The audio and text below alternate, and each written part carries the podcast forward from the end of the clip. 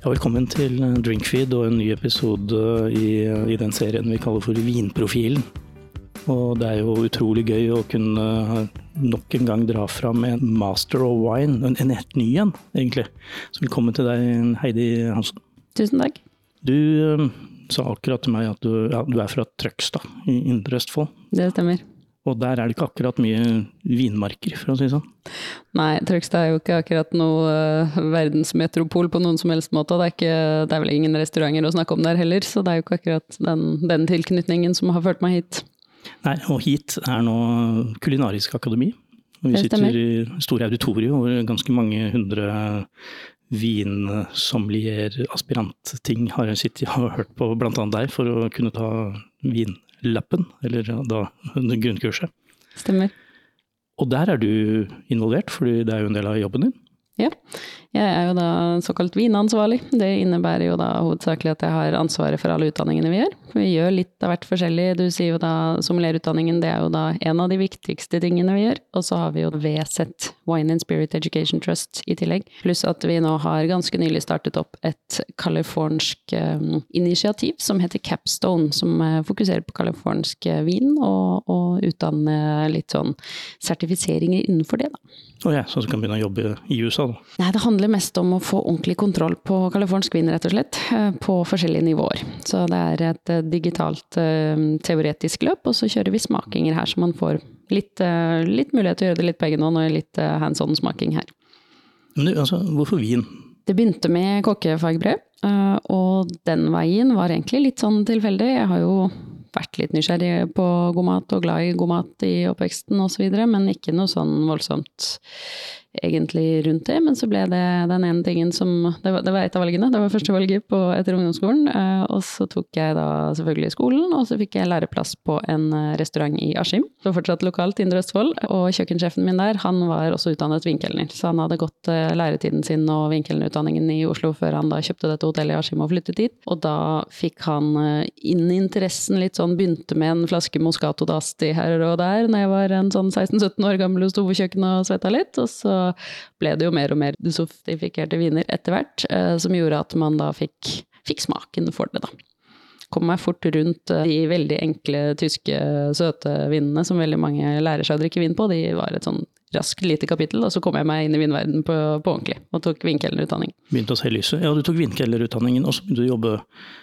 håper å si, på ordentlige, ordentlige restauranter. Ja, jeg skjønte jo ganske raskt når jeg begynte på denne vinkelutdanningen at det var noe som jeg syntes var skikkelig interessant. Og jeg har alltid vært veldig glad i å konkurrere litt, ikke nødvendigvis mot andre, men litt sånn sette meg selv litt på prøve og gi meg selv litt utfordringer. Og da når Det var vel først når jeg ble da best i klassen på tentamen da i denne vinkelutdanningen halvveis i kurset, at jeg skjønte at dette her er jo ordentlig gøy, og det er et felt hvor jeg kan lære meg veldig mye på kort tid.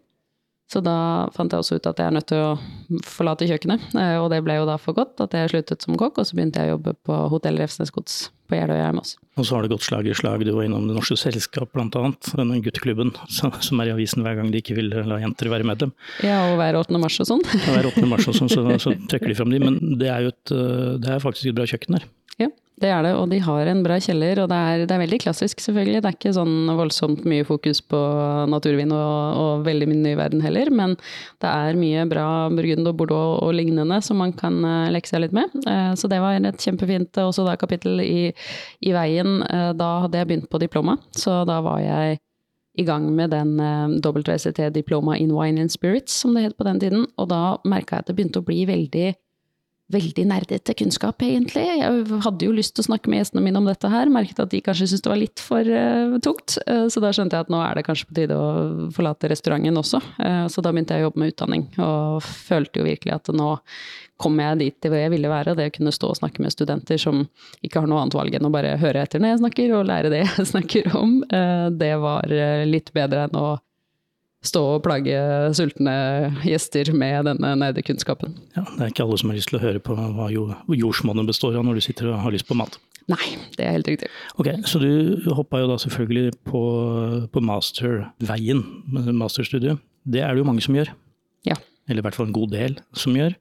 Men det er ikke så mange som kommer helt gjennom. Nei, det er jo hvert eneste år så er det ca. like mange som sitter eksamen som det som er ferdig. Eh, det er en rundt 400 studenter som prøver seg hvert år, og det er jo pluss-minus 416-17. Det, det, har gått bort noen i det siste. Så det gjør jo det at eh, det, det er Hva er det nå? Er det ca. 10% av de som begynner som noensinne kommer seg gjennom, da. Ja, det er, og, det, og, det, er i hvert fall ikke hvert år. Er, nei, nei, nei, nei. Det, ja, det er veldig mange som begynner som ikke, ikke blir ferdig, og jeg hadde mine tvil der en Eller jeg, jeg, sa det aldri høyt. Jeg sa det inni meg. Jeg eh, begynte etter da stryk nummer to på smakingen, så begynte jeg å si 'hvis jeg blir ferdig' istedenfor 'når jeg blir ferdig', inni mitt eget hode. Jeg sa det aldri høyt, for det var sånn 'jeg skal bli ferdig'. Men da begynte jeg å bli litt sånn bekymra, for det er ufattelig vanskelig. Eh, så jeg kjente det at nå har jeg jobba så hardt, og fortsatt er det ikke nok. Men da, heldigvis, så var den eh, ja, konkurranseinnstilte genen min som bare sa at da må du jobbe enda hardere. Så gjorde jeg det. Hvordan de bruker man egentlig på å gjennomføre dette studiet? Det er noen eh, som klarer det på tre år. Det er det minste du kan bruke, men det er én eh, eller to prosent eh, som noensinne klarer å få til det, av de ti prosentene som da blir ferdig. Og så er det um, vanligste mellom fem og syv. Jeg brukte fem. Ja, mm. så det er helt greit, men jeg vet jo også at du, du fikk jo veldig bra score, da. Ja, det var jo litt sånn overraskende. Jeg var jo kjempeglad for å ha bestått og tenkte at yes, dette her er jo veldig gøy. Og så satt jeg jo da faktisk i Askim eh, hjemme hos mine foreldre og så på denne award ceremonien som ble sendt eh, digitalt i desember i fjor. Og fikk jo da til min store overraskelse to priser, og de egentlig jeg anser som de gjeveste av dem, så det var veldig gøy det må jo være kan du si, et plaster på såret at du hadde strøkket to ganger, da. Ja, absolutt. Og det, det, er jo det jeg tenker òg. Da, da, fikk jeg på en måte muligheten til å bli flink nok. For jeg føler det at jeg var veldig nær å bestå på smakingen første forsøket. Men når jeg ser tilbake på det nå, så jeg, jeg, var ikke klar til å bestå. Jeg syns ikke at det egentlig var noe jeg Nå ser jeg ikke på det som at jeg burde ha bestått av. Så det at jeg måtte jobbe såpass hardt, det gjorde at nå føler jeg at det, det var ordentlig fortjent. Nå er, det fordi, nå, nå er du trygg på at det var, det var greit? Det var ikke flaks. det var ikke flaks, du sklei ikke gjennom på albuene, liksom. Nei. Men altså, Master Wine, hva, hva, betyr det? Ja, tidligere har vi hatt uh, i Vindprofilen noen andre Master Wine, uh, Arne Ronhold bl.a., som uh, sikkert var involvert i ditt utdanningsløp. Hva betyr det for deg? Ja, det er et godt spørsmål. fordi Foreløpig så har det jo vært mye korona, mye sånt som har gjort at jeg har ikke fått helt den muligheten til all den reisingen og, og opplevelsen som jeg tenkte jeg skulle få til når jeg ble ferdig. For man har jo da jobbet veldig hardt i mange år, og så tenker man at når jeg blir ferdig, da skal jeg nyte det litt mer. Eh, men selvfølgelig det det har betydd for meg, er jo det eh, veien til målet har gjort at jeg har fått et helt annet syn på vin, egentlig en litt annen forståelse. Jeg føler at før så lærte jeg en del ting, og jeg, jeg, kunne mye, men jeg skjønte ikke så mye. Nå føler jeg at nå, nå, nå forstår jeg mye mer hele bildet, hvorfor man gjør som man gjør, praktisk, økonomisk, eh, markedsføring. Altså det er så mange ting da, som må på en måte tas med her. Så hvis man sier det at ok, det er viktig å ha lav avkastning for god kvalitet, så er det sånn ja, men kan man ikke bare ta enda lavere avkastning, da? Så skjønner man på en måte hvorfor det ikke alltid funker. Eh, det er så mange sånne ting som jeg føler så forståelsen er det viktigste. Den egne, og når jeg står med studenter, så syns jeg det er så deilig å føle på det at jeg virkelig skjønner dette eh, og forstår det. Og så er det jo det at jeg har blitt veldig ydmyk til å vite hvordan det er å være student, for nå har jeg vært i så mange år selv at jeg vet at dette her, det er, det er ikke noe selvfølge at dette skal være lett å lære seg. Også sånn på det i arbeidslivet, da, så føler jeg jo at foreløpig så har det jo vært det at eh, det er flere studenter som på en måte kjenner meg igjen når de kommer inn døra her. 'Å ja, ja men det er hun som er master wine', det, det er jo er det, er det noen privilegier du har som som med den tittelen? Altså, får du noe goodwill når du ringer rundt f.eks.? Kan jeg komme på besøk til dere ja, og det er jo det jeg ikke har fått gjort så mye av enda, eh, men absolutt så er det på den måten. Og det som også jeg syns er veldig, veldig gøy, er jo det at det internasjonale fellesskapet av Masters of Wine, det er det, det, er så åpent og, og, hyggelig og varmt. Det er ikke den uh, Vi var innom en gutteklubb i stad, så mange ser jo på det å kunne vin som en sånn ah, Da er du sånn Porsche-type gutteklubbstemning, men det, det bare er så hyggelig sånn fellesskap, og det føler jeg at man også får når man da snakker med produsenter og reiser steder og møter andre, om det er Masters of Wine eller vinmaker. Altså det er en sånn ja, et fellesskap da, som er litt annerledes. Nå er det jo, For å legge til her, så er det jo stor overvekt av jenter som er master of wine i Norge, enn det er gutter. Det er jo bare to gutter. Ja. Og dere er Fire damer. Ja. Mm. Dere er ikke mange, den, den der årsmiddagen for Master of Wine i Norge. Den, blir, den er ganske skrinn. Ja, det, det, er ikke noe eget uh, gala-bookingavdeling, holdt jeg på å si. Det er et lite bord i en restaurant. Men så kommer det der sjanseløse spørsmålet som sier at uh, hvis du skulle velge én vin ever, du får bare lov å drikke den resten av livet, du, du, du må velge én. Hva sier da en master wine? Ah, det er så dårlig gjort. Um, ok, jeg kan prøve å begrunne det på en litt sånn uh, måte som jeg tenker uh, Altså, for meg, mat og vin er viktig. Jeg, vil ikke bare liksom tenke hva er det beste, og hva er det beste å drikke. Det måtte ha blitt en hvitvin, faktisk, fordi det er jo da veldig mye mat som er mye bedre med hvitvin enn rødvin, og så er det mye rødvinsmat som også fungerer med en hvitvin. Men det måtte blitt en med litt kraft og fylde, og um, selv om jeg er veldig glad i Eike de Chardonnay og lignende, så er det ikke alltid Eiken passer heller. Så for meg så er det en litt sånn leasy, dvs. Si en som har vært lagret en stund på bunnfall, gjerne cheninblad. Uh, litt sånn fyldig um, i parti, men fortsatt en superkrispsyre. Uh, noe litt sånn utviklet stil, men fortsatt med en eplekrisp-friskhet. Mye av dem i Sør-Afrika. Så en sørafrikansk chenin med enten uten eike eller bare gamle franske eikefat og mye lis. Så kult. Altså forfriskende forskjellig svar fra alle de andre som bare sier nei, det blir champagne, da. Ja. Jeg burde jo sagt Bollinger-champagne ettersom jeg vant av denne Bollinger-awarden, men uh... Ja, men har du fått nevne det her, da, så, så får, får, vi være fornøyd med det. Ja.